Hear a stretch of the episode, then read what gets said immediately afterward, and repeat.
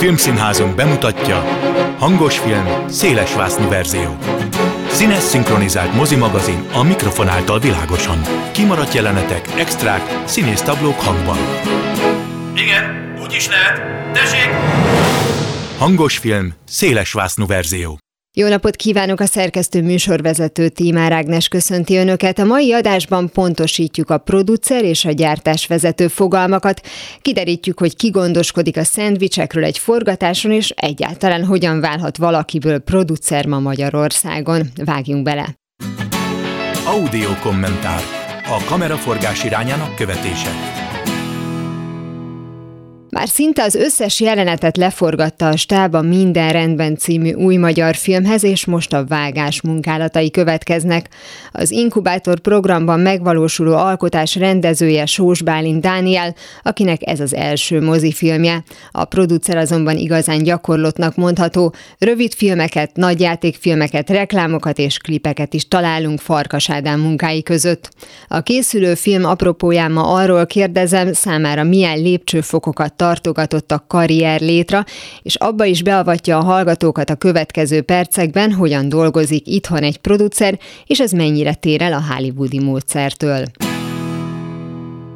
A vonalban Farkas Ádám producer van velem, szia! Szia, szia, üdvözlöm a hallgatókat. Miután úgy mutattalak be, hogy producer, ezt mindenképpen tisztázni fogjuk, illetve a különböző fogalmakat, akár magyar, akár külföldi filmnél látjuk kiírva az, hogy producer, meg executive producer, meg gyártásvezető, tehát hogy tulajdonképpen most itt ugyanarról van szó, ki mit csinál, tehát hogy ki miért felel, és nagyjából melyik kifejezés mit jelent. Fú, hát ezt messziről kell indítani, és minden egyes térségnek megvan a saját hagyománya. Nekünk ugye az állami filmgyártás a fő hagyományunk, mert a második világháború óta gyakorlatilag filmalkotás az tulajdonképpen csak állami támogatással tud készülni. Részben a nagy bekerülési költség, Nézzük meg amiatt, hogy nem igazán tudja kitermelni a magyar nézőközönség a mozijegyek árából a filmnek a költségvetését. Egyébként gyakorlatilag egész közép-kelet-európában ez van.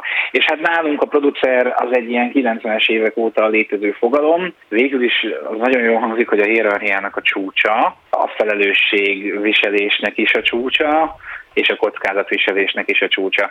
Tulajdonképpen, ha külön vesszük a hollywoodi és a magyar producer fogalmakat, akkor azt lehet elmondani, hogy a producer elsődleges szerepe, hogy megszerezze a forrást, tehát innen indul minden a támogatástól, és utána végig kell vinnie, tehát stábot kell építenie, az alkotókat össze kell párosítani más alkotókkal, ha esetleg hiányoznak bizonyos pozícióban emberek, jó, ha van egy víziója arról, hogy milyen filmet szeretne közösen létrehozni a rendezővel, és utána végig kell vinni az egész filmet, el kell számolni, épségben, egészségben le kell forgatni, be kell mutatni, sikerre kell vinni, aztán menni a következő irányba, és folyamatosan ezer vasat tartani a tűzben, és természetesen az egésznek a jogi és financiális terhét viselni. Szokták is mondani a stábtagok, ha ne adj Isten késne egy pár napot a fizetés, hogy minket nem érdekel, nem mi vagyunk a producerek. Uh-huh. Ez egy ilyen bevett mondás. Nem mintha késne valaha.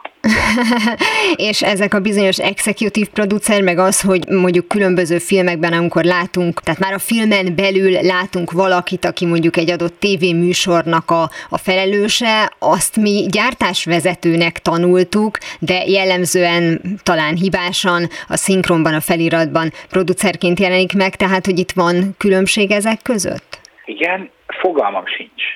Tehát, hogy nagyon régóta próbálom kitalálni, hogy mi lehet az az executive producer, de halványlag gőzön sincs, ugyanis, hogyha mondjuk menjünk át Hollywoodba, olyan furcsa alkotásokon van rajta a, a saját színójuk, vagy a, vagy a saját nevük, mint mondjuk a Martin Scorsese-nek legutóbb a Pieces of a Woman című Murucukornél által rendezett filmem, vagy Steven Spielbergnek mondjuk a legfurcsább produceri kreditje executív szinten az a Transformers széria, tehát hogy mhm. legtöbb esetben az executive producer az vagy az amerikai stúdiórendszer által delegált felügyelő producer a stúdió részéről, vagy egy olyan valaki, aki a saját egzisztenciális, nem is tudom, előnyeit, vagy hovatartozását, vagy már az életben elért eredményeit mögé pakolja egy adott filmnek. Például ezt lehet tudni, hogy a Mondrucó film esetében így volt Scorsese, valaki látta egy fesztiválon, és jelezte, hogy ha ő tud ezzel segíteni, hogy a nevét adja a filmhez, akkor ő beáll mögé, és akkor így is.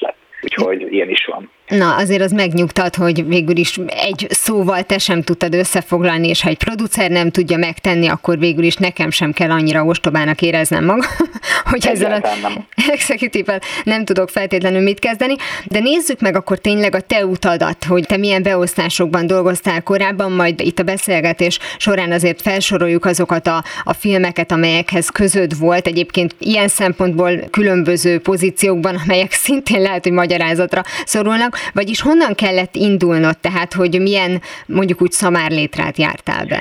A szamárlétre az ott kezdődött, hogy kitaláltam, hogy akkor film, de ezt viszonylag korán még bőven a gimnázium elején, és akkor amatőrfilmeket készítettünk, hogy egyáltalán felfogjuk azt, hogy, hogy mit jelent vágni, vagy nem tudom, plánozni. Vagy mennyire zavaró, mikor belesétálnak ki a képbe idegen elemek. Mint a gyerek, mikor járni tanul, ez pontosan olyan élmény szerintem, hogy hú, meglepő, hogy a lépcsőn fölfele kell menni. Ugyanilyen az amatőrfilmezés, és akkor innen jött az, hogy akkor valahova menni kellene. Én elmentem szabadbölcsésznek a Pázmányra, én ott végeztem el a filmemélet, filmtörténet szakirányt és a kreatív írás specializációt, és akkor ott forgattuk tovább. A már vizsgafilmnek számító, de még mindig erősen amatőr filmjeinket, innen vettek föl a, az SZF-ére, és onnantól beindult a mókuskerék, mert a legtöbb időt a telepen töltöttük, és akkor maga a szamárlétre az tulajdonképpen úgy néz ki, hogy egyrészt vannak azok a nagyon rész szakmai, viszont nagy szakmai hozzá értést igénylő területek, mint a világosítás, vagy a kameramozgatás. Leginkább ezek. Kipróbálja az ember ilyenkor magát, hogy hogy megy a világosítás, akkor csak állványokat cipel, meg kábeleket, ugyanezt kipróbálja a kameramozgatásban, mint a grip részleg. Régen ezt úgy hívtuk, hogy bűne, mert a, nagyon sok kifejezést a németből vettünk át, most meg keveredik a német és az angol valahogy, tehát ez a kameramozgatásra foglalkozó részleg, ez sineket pakol, dollikat pakol, és amikor rájöttem, hát ez nem biztos, hogy az én, én asztalom, mert nem ebbe, ezekben vagyok a legügyesebb, akkor lettem talán setpi, a setpi az az, aki szaladgál, vizet, hoz, szendvicset kell adott esetben, mint, ugye kis produkciókban, ezek általában ugye a vizsgafilmek irányával jönnek, és akkor szetéből a nagyugrás a felvételvezető volt, az már így ilyen nagyon rejtélyes, mert hát mégiscsak benne van, hogy vezető, akkor az ember azt érzi, hogy wow, most akkor valahol eljutott. Ezt követi a gyártásvezető, és mikor még én kezdtem, akkor még kihagytam egy pozíciót, ez a location manager. Ez a magyar filmben régen úgy volt, hogy felvételvezető egy-kettő. Manapság úgy meg van egy felvételvezető és van egy location manager. Ezek az emberek azok, akik konkrétan a napi operatív működésnek a biztosítását intézik, tehát ennyire konkrétan, hogy egy location managernél kell legyen a kulcs, ami nyitja a lakást, ő tudja, hogy hol a biztosíték, kit kell hívni, hogyha probléma van, füstjelző, stb. A felvételvezető az meg inkább azzal foglalkozik, hogy a státorok hogyan jutnak oda, merre mászkálnak, minden eszköz ott van a helyszínen, egyéb szállítással, transporttal kapcsolatos dolgokkal, meg hát ő felügyel mindenért, ami felmerül, ami leginkább az, hogy jaj, megint nincsen gluténmentes szendvics, és amikor van, akkor hát jó, de ezt nem mondtam, de a csirkét se szeretem. Ez is egy ilyen, ez is egy nagyon komoly filmes megoldandó feladat. És akkor a gyártásvezető pedig ezeknek az összefoglalója, aki tulajdonképpen, és akkor végül is egy korábbi kérdésre így tudok válaszolni, hogy ő a, talán az egyik legfontosabb szakmai partnere a producernek, mert a gyártásvezetőnek a dolga, hogy tisztában legyen a forgatás anyagi és jogi hátterével, felbérelje a részlegeket, felbérelje a stábtagokat, megkösse a szükséges alkukat a helyszínekkel, megszerezze a szükséges eszközöket. Tehát ez egy ilyen nagyon sok mindenre kiterjedő tudást igényel, mert ugyan nem használja azokat a kameramozgató eszközöket, nem kell pakolgatni a lámpákat, és a kamerának az egyéb műtyűrjeit sem kell ide-oda rakosgatnia, de tisztába kell lennie vele, hogy ezek mik, és tudnia kell, hogy mikor, mit, mire használnak, mert ezek nagyon erősen befolyásolják egy film költségvetését, ami viszont gyakorlatilag mindig adott. Ezért a gyártásvezető ez egy ilyen félig diplomata, félig jogász, félig közgazdász, egy ilyen nagyon titkosan az árnyékban tartott de magas szintű szakmai tudással valahogy így tudnám a gyártásvezetőt összefoglalni, de én elfogult vagyok, mert én ezt a szakot végeztem a Színház és Művészet Egyetemen, uh-huh. úgyhogy én csak szépen tudok nyilatkozni erről. Szerinted egyébként ez csak rád igaz, hogy egy film szerelemből mondjuk a gimnázium idején elindul egy dolog, és aztán kikristályosodik, hogy de tulajdonképpen te nem azt mondom, hogy nem a művészi részével, de nem olyan módon a gyakorlati részével foglalkozol, hogy hogyan fog fog kinézni a vásznon, hanem először azzal, hogy meglegyen az a bizonyos gluténmentes szendvics, majd amikor már producer vagy, akkor pedig azzal, hogy egyáltalán a moziba bekerüljön, tehát hogy ez azért távol van attól, hogy a rendező milyen víziókkal bír, vagy pedig, most a kérdésem elejére visszatérve, hogy vajon ez a te egyedi eseted, vagy pedig ez egy magyar jelenség, és tulajdonképpen az a hollywoodi világnak a sajátja, hogy olyan példákkal szoktunk találkozni, hogy vannak krőzusok, akik teljesen más területen meggazdagodtak, aztán egyszer csak kitalálják, hogy legyél te a rendező, legyél te az akárkicsoda, legyenek ők a szereplők, és csináljátok meg, és használjátok a pénzemet. Tehát, hogy azért ez nem jellemző, gondolom itthon. Itthon nem, mert korábban említettem, hogy nem nagyon rentábilis a filmkészítés. Ezek ilyen borzasztó egyszerű matematikai képletek, hogy 1670 forintos jegyárak mellett, hogyha egy nagyon jól sikerült, legalábbis közönség szeretetes számot tartó film készül, és megnézik 130 ezeren a moziban, akkor az nem fog kitermelni egy 800 millió forintos bekerülési költséget tehát erre nem lehet alapozni. Ettől függetlenül most nagyon sokat beszéltem ezekről a gyakorlati dolgokról, a híres gluténmentes szendvics és a statívok, meg lámpák, de valójában arról keveset mondtam most, amit én igazán szeretek ebben, hogy rátalálni egy irodalmi műre, vagy egy ötletre, és azt szépen lassan a, a csírájából felépíteni. Én tulajdonképpen, bár nagyon messziről indultam, de azért érzem azt, hogy most jó helyen vagyok az életben, mert most ezzel foglalkozom. Hogy egy példát mondjak, csak hogyha most megnézzük, hogy milyen projekteken dolgozom azon kívül, ami most forog éppen, akkor van most a kezeim között egy Boris Vian adaptációs terv, aminek a, a forgatókönyvfejlesztés és épp most zárult le a filmintézetnél, ez az ő utolsó regénye. Nagyon-nagyon régóta készülő könyv, és ezt a Verebes Zoli Páteszperó uh-huh. rendező kezei között próbálnánk majd megvalósítani, de van olyan filmtervünk, ami már félig meddig le is forgott, és egy pici ötletcsírával annyira belekapaszkodtunk, hogy úgy éreztem mindenki, hogy ezt muszáj megcsinálni, ezt a Begyulladva című filmünk Dudás Balázs rendezésében. Van már olyan filmünk, amit iszonyatosan alacsony költségvetésből csináltunk, szintén szerelemből, az egyik még a pázmányról ismert barátom rendezte, és azt éreztük, hogy hozott egy olyan forgatókönyvet, vagy egy olyan ötletet, amire azt mondtuk, hogy ez annyira eléri azt a szellemi és esztetikai színvonalat, amit, amit keresünk, hogy még ha csak ilyen piciben is, de mindenképpen csináljuk meg, úgyhogy az már le is forgott, az készen áll bemutatásra vár, nemrég küldtem be fesztiválválogatásokra. És van olyan sorozattervem, ami nekem egy gimnáziumi becsípődésem még történelem óráról. Egyébként ez a Tisztelszlári perrel kapcsolatos, ami szintén fedeztés alatt van, szóval soha nem tudni, hogy éppen mi szólít meg, vagy például Mirecsó Krisztiánnak a Vera című regényére appellálunk, hogy hmm. abból csinálhassunk egy filmet, és a szerző szerencsére eléggé támogat minket ebben. Tehát, hogy ez a lényeg. Valójában ezért csinálja ezt az ember, hogy hogyan kerül be, az gyakorlatilag mindegy, amikor ott van, de igazából háromféle, nem is mondom, hogy producer filmes van. Van az egyik az a nepotikus, és ezt nem a szó rossz értelmében mondom,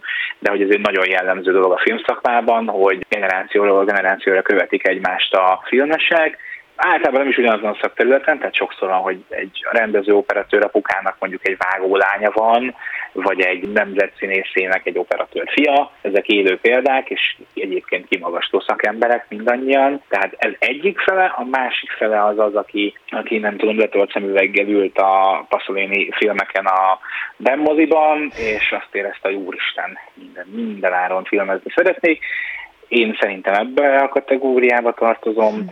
És van a harmadik kategória, aki teljesen jogosan látja azt is, hogy azért a filmszakmán belül nagyon sok munkával, sok esetben kemény fizikai melóval, de hogy azért jóval jobban lehet pénzt keresni még Magyarországon is, mint egy csomó más szakmával. És főleg azért tudom ezt ennyire határozottan mondani, mert nem csak a film pörög, hanem ugye sorozatipar is van, és szolgálunk gyarakat külföldi produkciót is szerviz munkaként, és hát ott van mert a reklámipar, ami ugyan veszít a csillogásából, de azért még a mai napig egy nagyon meghatározó bevételforrás az egész szakmának, amire azért egészen magas szinten tud építeni. Ezeknek a különbségeire még mindenképpen szeretnék rátérni, de maradva te, hát már említett szamárlétra végig járásodnál, és annál, amit ugye már szintén mondtunk, hogy azért néhány ismert filmcímit fel fog csengeni, a Mindenki, Rák Kristóftól, vagy a Kishajninak a Szép Alak című alkotása. Na most a kettőnél más-más, még nem produceri, de más-más funkcióban vettél részt itt a kettő között. Egyrészt hol mit csináltál, és mekkora volt az ugrás? Ja, igen. Egyébként sokkal jobban szokott menni az önpromóció, most azt elfelejtettem, mert érdekes volt a szakmai útmutatása. Na de visszatérve, igen. Egyen még visszaugranék a Brazilok című filmhez, mert hogy én pont akkor kezdtem el a profi filmezést, amikor volt ez az átalakulásunk az MMK alból, film alap lett, és akkor addig, ameddig törlesztették a filmszakmai adósságot, amikor egyébként órákat tudnék beszélni, miért volt, szakdolgozatot is írtam róla, úgyhogy elég transzparensen egyszer majd el tudom mondani, ha valakit érdekel, de hogy akkor ez sikerült törleszteni, viszont ennek az volt az ára, hogy nem készült magyar film, kivéve például a Magyarország 2011, ami pont erről szólt, hogy híres alkotók összeálltak, és tulajdonképpen mini-mini pénzből próbáltak ilyen mozgófilmeszéket összehozni, hogy valamit mégis állítsanak arról, hogy hol vagyunk mi a világban. És ebben az időszakban az történt, hogy tényleg nem lehetett filmezni menni, a reklámba bekerülni akkor még egy nehezebb falap volt, és én ott voltam azzal vágya, hogy de hát én, én, én ott szeretnék lenni, és nem nagyon volt erre lehetőség, úgyhogy mikor újraindult a filmezés, és elkezdtek újra forogni a nagyjátékfilmek, akkor az egyik ilyen első film volt a Brazilok, és annak elkezdtük mi forgatni a pilotját. A pilot az egy ilyen sorozatok esetében egy első epizód, filmek esetében egy-két-három jelenet, ami ki van véve a forgatókönyvbe, azt leforgatják, hogy bebizonyítsák, hogy az alkotók képesek valamilyen érdekes dolgot csinálni. És akkor ezt leforgattuk, meg is kapta a produkció a pénzt, de bizonyos okokból kifolyólag mégsem az lett, hogy egy magasabb szinten kerültem bele a gyártási csapatba, viszont aki ott a felvételvezető lett, Molnár Dani, éve felettem lévő osztályba járt az összefén, és vele kezdtem el dolgozni, ő később majd a mindenki esetében is egy érdekes figura lesz. Ő mondta, hogy ugyan nem tud gyártási pozícióba helyezni, de ha gondolom, akkor menjek el sofőrnek a Brazilok című filmbe, még a telepszemlék alatt, és hát, ha majd lesz valami. És hát gondoltam, hogy végül is ez nagy játékfilmezés, úgyhogy elkezdtem kis autóval sofőrködni. A harmadik napomon csináltam meg az első 200 ezer forintos kártal az autón, de nem ült benne senki. Ez nem ment jól, viszont nagyon hamar elkezdett arra használni ott a gyártási csapat, hogy ha már én ott vagyok, akkor szaladjak már be erre a helyszínre, uh-huh. és akkor beszéljek már ezzel meg azzal. Ha már ott vagyok, akkor próbáljam már meg elérni ezt meg azt, és akkor itt szépen lassan egyre komolyabb szerep jutott nekem, mert már nagyon sok információ meg alkú rajtam keresztül történt, úgyhogy végül is felküzdöttem magamat egy nagyon pici, papíron nagyon pici, a gyakorlatban meg nagyon nagy pozícióban, egyszer ilyen felvételvezető és location manager, és akkor így csináltuk végig ezt a filmet, amely egy óriási tanulópénz volt, meg hát nem tudom azt leírni, hogy milyen az, amikor valaki tíz éve szeretne filmezni, az országban nem nagyon forognak filmek, és végre ott van hogy akkor holnap eldördül a startpisztoly, és mi egy moziba kerülő filmet fogunk csinálni. Ez egy nagyon nagy élmény volt, és nagyon nehéz forgatás, mert vidéki volt, vidéki forgatás, megterhelő volt, egy forgatás mindig megterhelő, ezt azért fontos elmondani. És akkor ezután a Molnár Domnyák a felvételvezető elkezdett gyártásvezetői lehetőségeket kapni, és az egyik első között volt például a mindenki, és amit mindenkibe is vitt tovább magával egyrészt engem is, meg Kézdi Kementünk is az osztálytársam volt, és akkor mi voltunk a felvételvezetője mindenkinek. Azért nem ott jó munkát végeztünk, és a Dani az nagyon az a típusú gyártásvezető, aki a komplex egészeket kezeli, a nagy alkukat, a főnökök szivaroznak a szobában típusú, és mi meg azok vagyunk, akik megcsinálják a gyakorlati részét ugyanennek. Szóval ez egy ilyen nagyon jó csapat volt, főleg azért mondom ezt, mert, mert jó élmény volt a forgatás, és nehéz volt, mert Deák Kristóf igazán maximalista, tehát például az egyik tantermet, amiben forgatunk, teljesen meg kellett fordítanunk, mert nem is tudom, nem az volt az érzete, hogyha belépünk, hogy ez egy tanterem, pedig ez egy igazi tanterem volt, hogy meg kell fordítanunk, ő nagyon-nagyon igényes volt az apró részletekre is, és ugye elég sikeres is lett a film szerencsére, mi meg végül is így egy csomagban még működtünk egy darabig együtt. A Danival a következő ilyen a Jeles Andrásnak volt a Rossz című filmje, az nem egy popcorn film, uh-huh. úgy mondanám, de azért senki ne hagyja ki az én negatív ajánlásomra, semmi esetre se. És akkor valahogy, valahogy egy idő után ugye közben én csináltam az egyetemet, és készültek a vizsgafilmjeink, és hogy a szép alapban hogy kerültem, egészen egyszerűen nagyon banálisan egy kalapból kiúzták a nevemet, hogy én fogom akkor gyártani a hajni filmjét ez ennyire egyszerű volt, és nagyon örültem neki, mert ennek a filmnek meg volt egy előzetes karaktertanulmány, amit én láttam, és ezért nagyon hittem benne, meg tudtam, hogy ebből mi lehet. Egyébként része ennek az egész producerségnek, hogy azt képzelem magamról, és nagyon remélem, hogy majd egy ilyen 30 éves táblatban megveregettetem a saját vállamat, hogy milyen jól gondoltam, hogy van ahhoz egy valamilyen affinitásom, hogy hová fog eljutni egy film, vagy hogy milyen értéke van, vagy hogy kik láthatják meg benne azt, amiért csináltuk, és ez a mindenki esetében is így volt kimondtam azt a bizonyos óbetűs szót már a forgatáskor, mert volt egy ilyen megérzésem, és, és ezzel egyébként nagyon nem szabad dobálózni, főleg egy forgatáson, ezért nagyon harap mindenki. Az óbetűs szóért? Az óbetűs szóért, igen, egy forgatáson, és a szép alak esetében, mert ott nem mondtam ilyen szót, de, de gondoltam, hogy jelentős utat fog bejárni a fesztiválvilágban, és szerencsére így is lett. Ezeket általában meg szoktam érezni, vagy én úgy képzelem, hogy megérzem, de hát, hogy csak ilyen hurra optimista vagyok.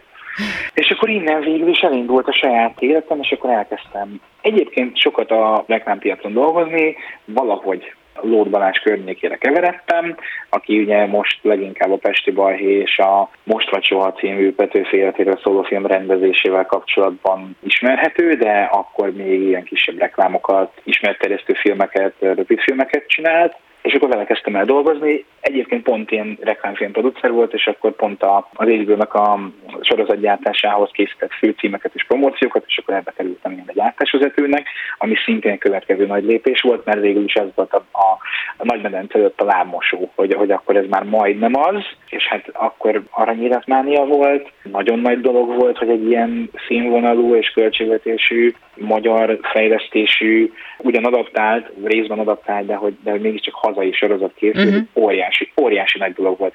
Azért abból a lelkesedésből tudok beszélni, hogy mindig ilyen óriási lépésnek éltem meg ezeket egyrészt, hogy forgatott kell először egy nagyjátékfilmet, aztán gyártásvezetője lehetek rövid filmeknek, aztán utána gyártásvezetője lehetek kis reklámoknak, de nagy produkcióhoz kapcsolódó kis reklámoknak, és akkor utána elkezdtük a klasszikus gyógyszerreklámokat, meg nem is tudom már miket csináltunk, Quimby klippeket, uh-huh. az is nagy, nagy dolog volt. Hát a Quimby klippet csinálni gyártásvezetőként úgy, hogy azelőtt tíz évvel még megőrültünk, hogyha a színpadra léptek. Uh-huh. Ezek, ezek mind, mind nagyon nagy dolgok, és akkor így, ahogy haladtunk, közel kerültem például a Fülöp Péter producerhez, aki szintén a Pesti Balhénak volt az egyik producere, és így érkezett majd el a fülöpeket, hogy a Pesti Balhé például én gyárthattam és vele sokszor találkozott az ízlésünk filmek tekintetében, főleg amikor a rövid filmeket csináltuk. Emlékszem, hogy az első dolog, amire úgy igazán ráírhattam a nevemet, hogy producer, az a Katapult című rövidfilm volt, az a kedves barátom és kollégám csinálta, aki ezt a filmet, amit mondtam, hogy kevés pénzből, de elforgattunk, és jött egy történettel, ami nekem alapjaiban véve izgalmasnak tűnt, de láttam benne egy pár olyan dolgot, ami nekem nem stimmelt, én az a típus vagyok, aki elég sok széljegyzettel küld vissza egy forgatókönyvet, vagy egy treatmentet, vagy akár már csak egy szinopszist is. Sok barátod van? uh, igen, igen, igen, sok barátom van, de ezek nem filmesek. De ezek általában szerintem építő jellegűek, hogy nem tudom. Végül is a filmet leforgathattuk egyébként, és, és egész, egész jól sikerült. Téged úgy, igazolnak a széljegyzetek. Tudom úgy alakítani a visszatekintésemet, hogy úgy érezzem, hogy engem igazolt, akkor inkább ezt mondom. és én én tudom így, és ezek a széljegyzetek, ezek szerintem jó pofák, főleg, hogyha azt nézem, hogy mondjuk ez a rendező konkrétan megfogadta a tanácsaimat. Korosztályt váltottunk, ott volt egy szerelmi történet két 20 éves emberrel, akik a napjainkban két kontinensen élnek, és azért az ő kapcsolatuk meg kell, hogy szakadjon, és úgy éreztem, hogy ebben az nem stimmel, hogy ezek az emberek nem lehetnek 20 évesek, hanem szerintem ezek 12 évesek, ez az első szerelemről szól, és szerintem rakjuk ezt az egészet egy olyan korszakba, amikor sokkal nehezebb volt utazni és kommunikálni, mint ma, és akkor egy 1990-ben játszódó 12-3 éves gyerekek között szövődő, nagyon finom, nagyon ízléses kiszerelmi történetet tudtunk csinálni ebből az egészből. Úgyhogy néha azért szerintem jók ezek a jegyzetek, és utána jött a Pesti Balhé, Közben egyébként dolgoztam a Frigaú Bencével, neki felvételvezettem a, a Lilium és Fény című filmének a pótforgatásaim, aztán utána volt egy Csernobyl filmterve, amit ugye eléggé megtépázott a sors, főleg a nagy sikerű BBC sorozattal, uh-huh. de mi minden esetre, mikor még azt gondoltuk, hogy ebből lehet valami, akkor készítettünk ugye pilotot, amiről már beszéltünk, hogy az micsoda, és azért például a producerség, azért például odaadtam az első autómat egy favágónak hogy azt megcsinálhassuk, mert nem nagyon volt pénzünk, és nekem már pont eléggé a végét járt az a kocsim, és végül is sikerült elérnem, hogy ő hozzon eszközöket, meg traktorokat szerzett nekünk, meg szereplőket intézett, egy ilyen helyi favágó volt, és neki pont olyan kocsia volt, mint nekem, és azt mondta, hogy ha azt odaadom neki, akkor ebből ki tudja szedni az alkatrészeket, és akkor a sajátját még tudja tovább életben tartani, úgyhogy odaadtam neki, hogy ezt meg tudjuk csinálni. Úgyhogy ezért nyilván ebben van egy ilyen szenvedélyfaktor is. Farkas Ádám producerrel a jövő héten folytatjuk a beszélgetést, akkor már kifejezetten a készülő Minden rendben című drámáról lesz szó, amelynek főszereplője Hajdu Szabolcs. Ez volt már a hangos film széles másznú verzió, legközelebb ismét szombaton délután fél kettőtől várom önöket. Természetesen a korábbi adásokat, ahogy a mait is hamarosan megtalálják archívumunkban, valamint podcastként. Kövessenek minket a Facebookon, és ha még nem tették, iratkozzanak fel YouTube csatornánkra. Köszönöm a figyelmüket, a szerkesztő műsorvezetőt, Tímár Ágnest hallották. Viszont hallásra! Hangos film, széles verzió.